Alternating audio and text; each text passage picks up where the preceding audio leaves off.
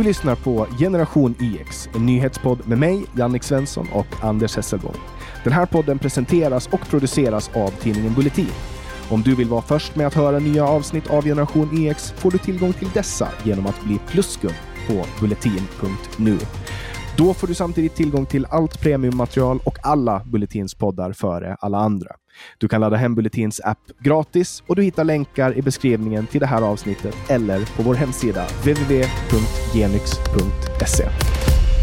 Nu lyssnar ju du som lyssnar på Generation YX igen och det är jag, Jannik Svensson och så har vi ju också Anders Hesselbom. Hej Anders Hesselbom! Hej, det är det gamla vanliga teamet som är tillbaks.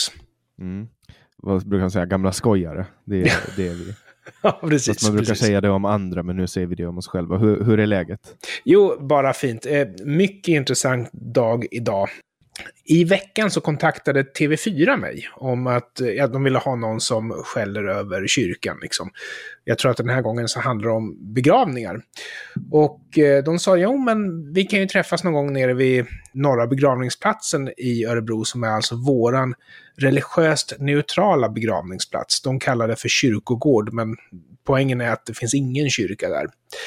Och sen idag när jag väl hade åkt till jobbet så ringer de och säger, ja, nu ska du vara där. Ja, alltså jag åkte väl dit då, men eftersom jag inte visste i, i morse så kom jag dit då med en urtvättad jacka istället för en kavaj och orakad och sådär. Men som sagt, de ville inte prata speciellt mycket med mig, de ville bara ha någon som skällde över religion och sånt där. Och eftersom jag är ordförande för Humanisterna Örebro så är ju jag en potentiell person som kan göra det. Men vad de däremot ville, det var att prata om en ny gravplats som de anlägger. Och då ville de att jag skulle gå dit och titta på den och skulle alltså filma det. Så jag fick instruktion, jag skulle gå den sträckan, jag skulle gå den sträckan, jag skulle ställa mig där och jag skulle ställa mig där. Och vet du vem jag tänkte på när jag gjorde det där? Be- Berätta. Du! Därför att du sa ju att jag går som en seriefigur. Och då tänkte jag att jag nu skulle filmas i Riks-TV när jag är ute och går. Då säger jag, gå inte som en seriefigur. Men jag tror nog att jag gjorde det. Just det, det var ju när vi träffades jag reagerade på din gångstil. Att, Ja. att det ser ut som att du är en seriefigur som kommer gående. Och man kan säga att du gjorde mig medveten om det, för du har ju rätt alltså. Ja, alltså en seriefigur är, är ju, alltså den har ju en, en speciell karikatyrisk eh, gångstil. Det är det jag menar. Jag menar inte att det är någonting dåligt, det är väldigt charmigt. Men det var det jag menade. Så jag, jag, men jag, jag märker att du är ganska självmedveten som tänker på det här. Det här sa jag typ i, i juni kanske, Ja, när vi träffades i Örebro. nej men jag tror att eh, när du sa det så tänkte jag att du har faktiskt rätt. Det var min liksom tanke. Och eh, jag i det här sammanhanget vill ju se ut som en seriös medelålders man. Och inte som en seriefigur. Och då klart, då poppar det ju upp i tanken liksom. Mm. Ja, jag kan ju berätta lite om, om vad jag har på gång då, förutom Ja! allt, allt som håller på att hända. Så jag, har ju, jag hittade en bok som jag började skriva 2019 häromdagen. Hittade den och jag vet att jag har skrivit den. Liksom. Det är inte så att jag har glömt bort det. Men man tänker ju så här att ah, men du vet, det var säkert dåligt. Och så, du vet, många gånger när man hittar gamla texter, eller åtminstone Ja. jag, så tänker jag så åh, vad fan tänkte jag? Det här är ju pinsamt. Liksom. Så vill Det brukar vara pinsamt att hitta gamla texter. Ja, så jag tänkte att det här är säkert pinsamt, men så började jag läsa och jag bara, fan det här är bra grejer. Liksom. Bra! Ja, så jag, jag ska eventuellt fortsätta skriva den här boken. Och eh, kanske den blir klar inom ett år. Det, den, är, den är typ klar, alltså hela teoretiska delen är lagd. Då Ja. behöver jag bara fylla på med lite anekdoter, sen är det klart. Men det har fått mig att reflektera lite över att när jag var typ 21 eller 22 fram tills att jag var kanske 20, 25 så läste jag oerhört mycket självhjälpsböcker och jag är så fruktansvärt trött på självhjälpsböcker så att du Mm. förstår inte.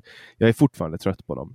Och det här är någon form av försök att kondensera egna kunskaper och, och eh, universella saker. För att det en självhjälpsbok säger är egentligen saker som man har vetat hur länge som helst. Alltså du kan ta ut, ut vilken gammal kinesisk skrift som helst eller gammal babylonisk kunskap eller indisk kunskap eller du vet vad som helst och så är det alltid samma sak. Typ Ja. Typ så här, if you can, eh, alltså så här, de, de pratar, så Jesus pratar om att flytta berg till exempel, att man ska tänka och se saker framför sig och så vidare. Och så säger alla andra säger också det, så att man ska visualisera och så vidare, man ska tro på det och man ska vara naiv och så vidare. Och fake it till you make it och, och så här. Men vi får se, det kanske kommer en bok från mig någon gång i framtiden. En självhjälpsbok. Ja, men den handlar väl mera, det handlar mera faktiskt om, den här boken handlar mycket om försäljning. Ja. Men, och, och, då är det liksom tekniskt i hur man liksom förbereder försäljning och sen också psykologiskt bryter ner hur man ska liksom bemöta de här sakerna. Men en av de svåraste sakerna med försäljning handlar om att fortsätta orka hålla på. Ja. Det är det det handlar om. Det är ett numbers game där du har liksom, ungefär, om du har 100 samtal så är det ungefär 80 av dem som kommer att säga nej eller lägga på. Ja. Och, och, och, det blir ju en, en övervägande negativ eh, feedback. Så att det känns som att man sitter i motvind hela tiden. Om 80 ens räcker? För det, alltså, kallförsäljning är ju svårt. Ja, men man brukar ungefär få prata med 20 procent brukar man få prata med och sen ungefär 5 procent ah. på totalen. Uh, så fem av de 20 brukar man kunna göra affär med. Uh, ja. Ibland är det tre, men, men det som är liksom, utmaningen i försäljning handlar egentligen om, om det att man måste övertyga sig själv om att fortsätta trots att det känns hopplöst. Och det är, det är lite det också, ja. det är där självhjälpsbiten kommer till när det kommer till försäljning. Men, men jag menar, försäljning kan göra en människa rik. Det vet vi alla. Liksom. Ja, gud ja. Det, det, handlar ju om att eh, övertyga en person om varför. Alltså, det här behöver vi inte ens gå in på. Du kan ju det här mycket bättre än jag, men jag, jag förstår absolut. Mm. Så att förhoppningsvis blir det en, en bok av det. Vi ska prata lite politik också, lite rikspolitik. Ja! Tre av fyra personer inte utsatta för brott, leder en rubrik från 22 oktober på Sveriges Radio. Vad, vad tänker du om den eh, vinkeln?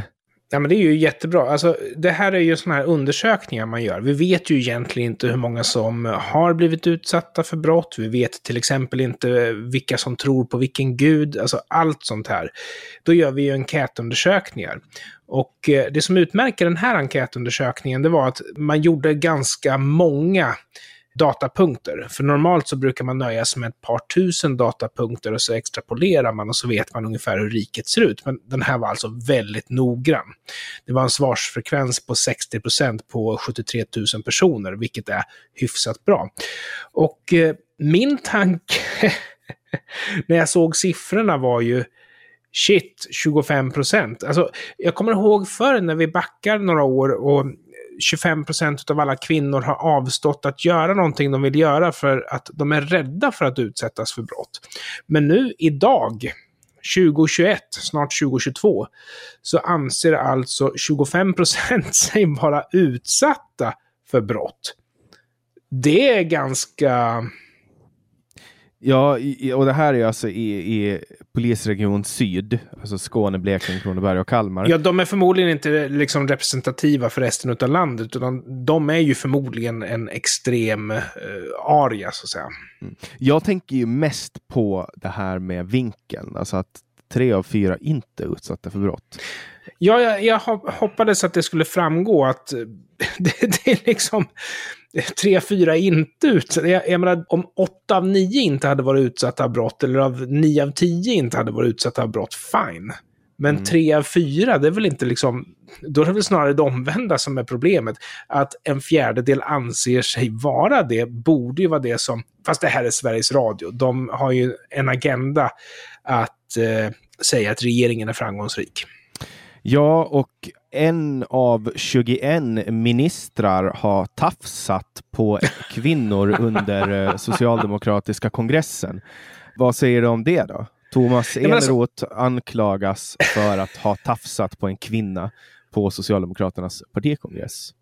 Jag får försvara infrastrukturministern med att säga att jag tror att det här är ganska oskyldigt. Men jag vill också säga att var tusan var S under metoo? För det han gjorde här, det var ju att de var på kongress och han klappade en kvinna på skärten. Och det är väl klart att hon lyfter den frågan. Förr så lappar man till en person som gjorde sådär, men idag så jobbar man ju väldigt mycket med juridik. Att man lyfter det till sin chef eller anmäler eller vad man nu gör för någonting. Och det är klart att det här blev anmält. På 80-talet hade det här varit en örfil, idag är det ett riksärende.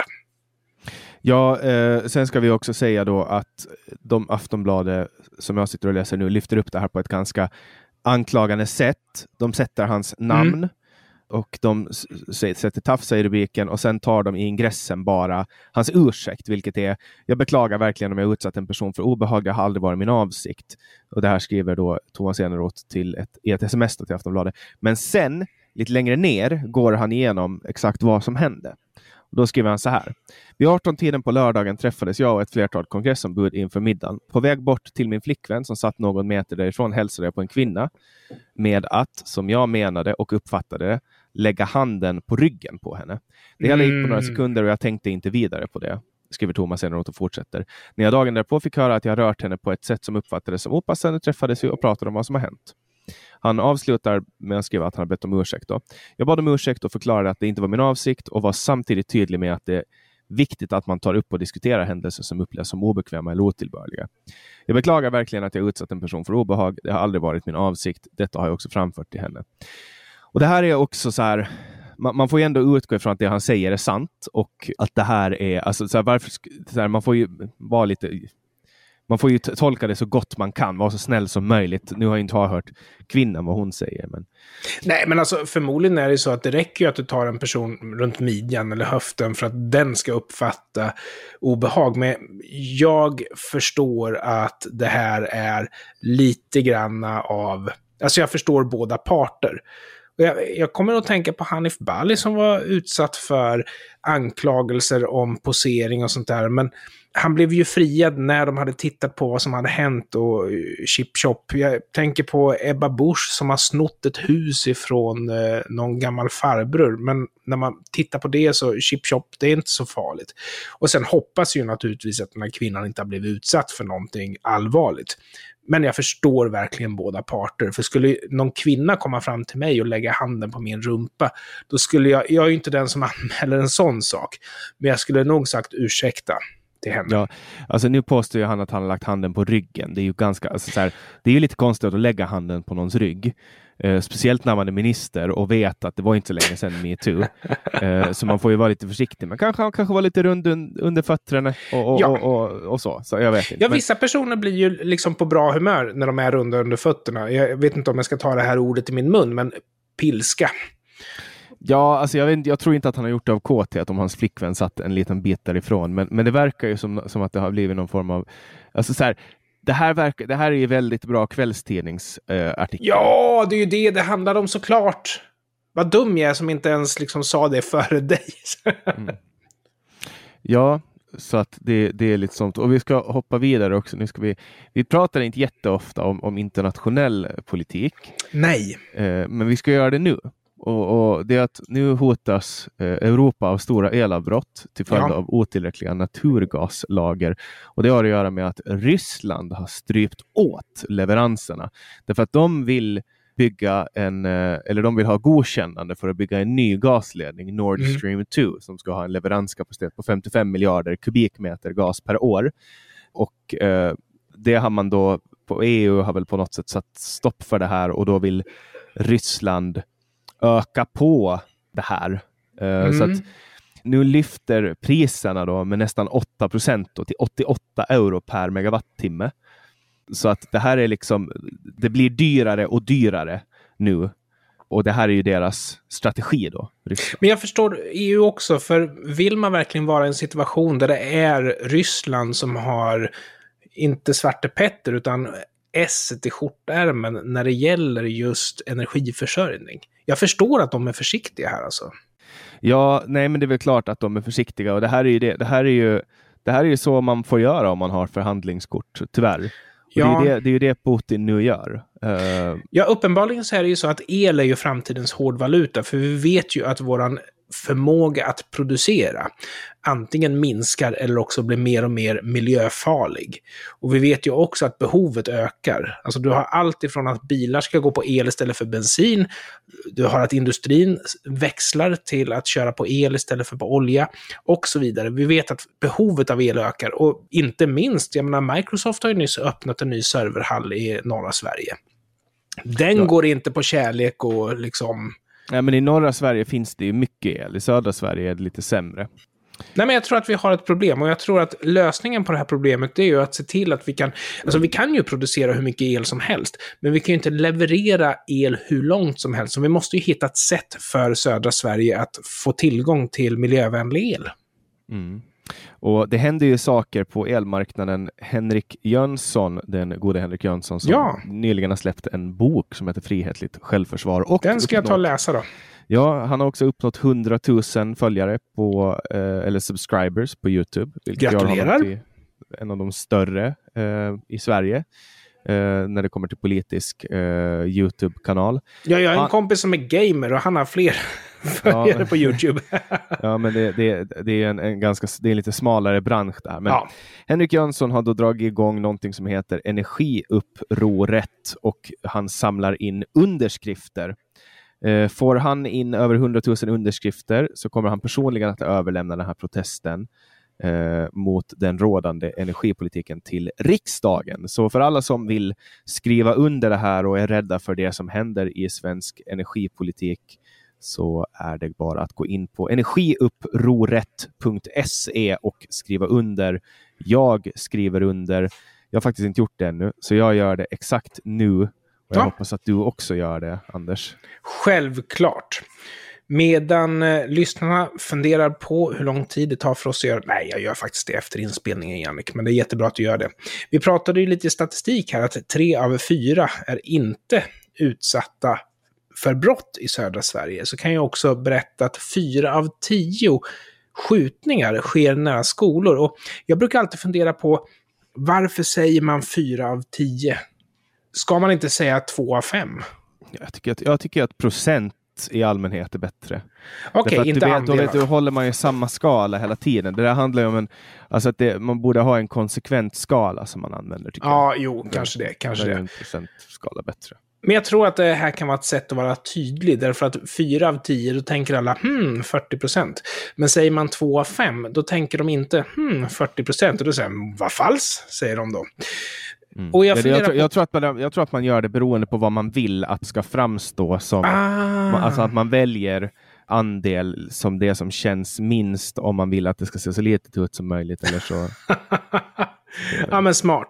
Nej, men jag tänker så här att eh, man har ju försökt att minska skjutningar med illegala vapen genom att höja kraven på byråkrati kring eh, jaktvapen och sådana saker. Varför kan man inte bara införa statliga regleringar på var någonstans man får avrätta personer som inte har betalat sina droger i tid? Ja, Inte är- nära skolor. det är en sån lag behövs. Ja, Eh, det, det skulle vara. Nej, men så här också. Det är ju skolor. Saker sker runt skolor. Man brukar ju ofta göra så här, ja, kartlägga pedofiler eller sexbrottslingar runt Ja, skolor och så vidare. De här uppgörelserna sker ju för det mesta på kvällarna när folk är hemma.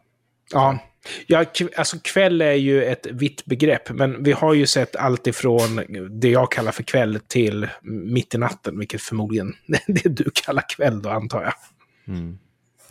Ja, sen har vi ju den här gamla klassiska, det, vad var det du kallade det här vapenförrådet på regeringskansliet? Ja, just det, vi kallar den för vårt vapenrepository. Just det. Det har ju hänt lite annat nu när det kommer till vapen. Det har försvunnit vapen från Stockholmspolisers lokaler i kvarteret Kronoberg. Ja, alltså företaget som vaktar den där lokalen förvarade tydligen sina vapen i lokalen. Och det är alltså polisens lokal.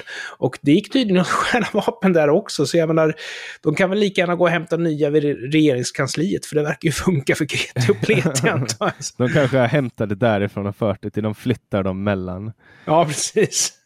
Nej, men alltså, jag tror att eh, vi måste vara medvetna om att svarta vapen är hårdvaluta idag. Och förr när man skulle döda en person så var det ju faktiskt inte pistol eller skjutvapen man använde. Men idag så verkar det ju vara den avrättningsmetod som kriminella föredrar. Att man vill gärna skjuta en person. Man poserar i sin rockvideo innan. Man får draghjälp av Sveriges Radio av att kolla den här killen, han är farlig. Om de andra inte liksom ger någon eftergift, ja då skjuter man dem med de vapnen som P3 har lanserat. Ja, eller hur? det är ju liksom... Oh. Får jag prata mer om public service? ja, vi pratar ju alltid om public service. Det är det den här podden går ut på, att prata illa om public service. Fast eh, okej, vi får väl säga så här. Det den här podden går ut på är att prata illa om statsmedia, för jag anser ju att det är vi som är public service. Eftersom vi säger ju det som public service inte får säga. Men Sveriges Television, som är nästa statsmedia. De har ju gjort ett reportage om en person som har lämnat Kristdemokraterna till förmån för Centerpartiet. De har gjort flera reportage om hur Kristdemokraterna har förändrats och hur missnöjda Kristdemokraternas väljare är. Förmodligen, alltså jag har funderat på det här, men förmodligen för att det passar deras agenda. För varför får man inte höra talas om de socialdemokratiska väljare som går till Sverigedemokraterna? För de är ju faktiskt ganska många. Och jag tror att anledningen till att man inte vill göra det, det har nog att göra med att man vill inte höra personer som har tröttnat på Socialdemokraterna sitta i tv och berätta vad som är felet med Socialdemokraterna. Att man vill lite grann skydda dem. Och det är ju därför som vi i Sverige har lite grann av en tendens att säga att ja, men tyvärr har vår regering fått ett väldigt uselt folk. De röstar på ett parti med rasistiska rötter och allt vad det nu är för någonting. Men man har aldrig funderat på om det kan vara så att makten inte har tillfredsställt befolkningen eller väljarkåren ordentligt. Den tanken tror inte jag har tänkts inom public service, och då menar jag statsmedia igen då. Ja, vad säger man?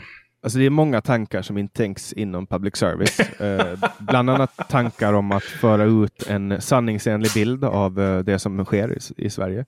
Det är en tanke som sällan tänkts i public service. Och jag, jag, kan tänka mig en sak som upprör dig ganska mycket. Det är att Sveriges Radio inte har som uppgift att, eh, att arkivera alla de här gamla grammofonskivorna alla gamla CD-skivor. nu vet jag vart du är på väg. Ja, precis. Alla mm. vaxrullar, mm. alla fonografcylindrar, alla rullband, alla stenkakor. Alltså i och med att man bedriver melodiradio så har man ju köpt på sig musik. Och i och med att man har funnits länge så har man ju köpt på sig musik i format som har varit populärt i olika tidseror. Och eh, jag vet ju om att Sveriges Radios skivarkiv är under avveckling. Och inte minst så vet jag att tusentals CD-skivor redan är slängda. Och för min del så tänkte jag att så går det när man får anslag, då förstår man inte värdet av pengar. Jag har ju en, en, en grej, ett litet förslag vad man skulle kunna göra. Man skulle kunna avveckla Sveriges Radio, men behålla deras arkiv. Ja, men de menar ju på att det inte är deras uppgift att bedriva arkiv, så man skulle ju behöva ha någon sån här K-märkning av det här arkivet, eller en arkivstatusmärkning av det här arkivet. För då skulle de ju vara tvungna att ta hand om det. Mm, det kanske man ska lyfta K-märkningen från Yasins gangsterrap och flytta den till ja, visst. de här gamla skivorna. Ja, visst. Och tänk på vilken liten andel av den här musiken som är digitaliserad. Alltså, och vi pratar om vaxrullar, eh, fonografcylindrar, vaxrullar som är föregångaren till det. Och det är tusentals alltså. Det är rullband, det är stenkakor, det är grammofonskivor av olika format och så vidare. Och jag har ju en lösning på det här problemet. Berätta. Man tar och instiftar ett eh, skivor till kaffet-program, liknande, ett önskeprogram. Totte Wallin som programledare och sånt där. Den som ringer in, den, eh, om den önskar någonting som inte finns digitaliserat, så vinner den ett symboliskt pris. Och eh, programledaren får då inte spela den låten förrän han har digitaliserat skivan den ligger på och sen spelar den. Och då kan man alltså göra underhållning av digitaliseringen av det här musikarkivet.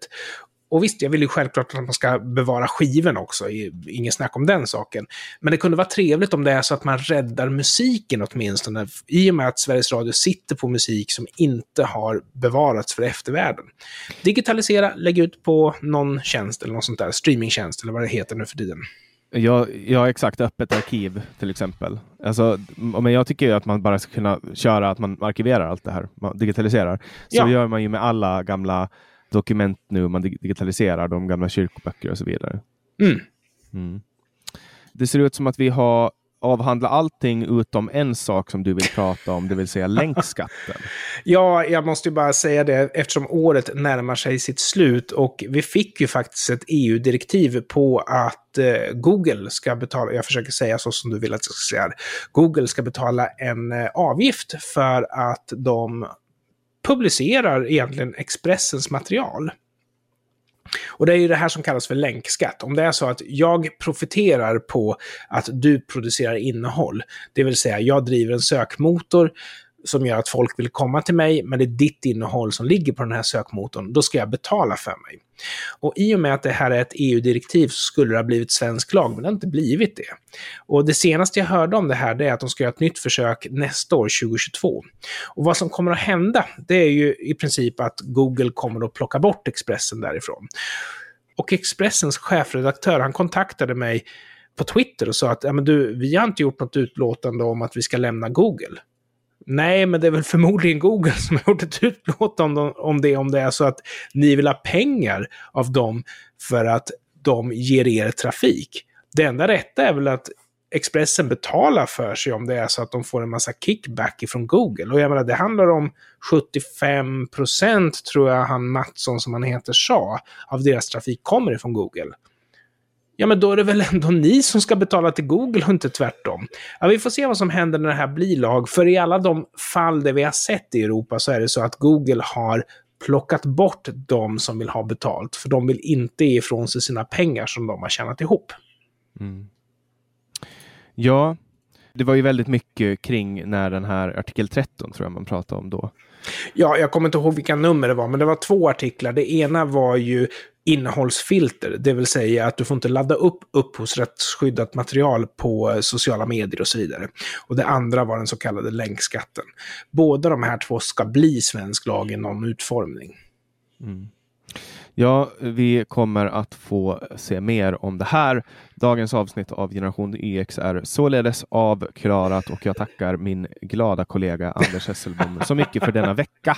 Ja, men det är alltid lika trevligt att sitta ner och prata med dig. Jag hoppas att eh, våra lyssnare återkommer för nya intressanta nyheter att prata om och vara sarkastisk om, det kommer att komma. Det tar aldrig slut. Ja, då ska du säga hej då, Anders. Ska jag? Ja. Tack för att du lyssnade. Hej då!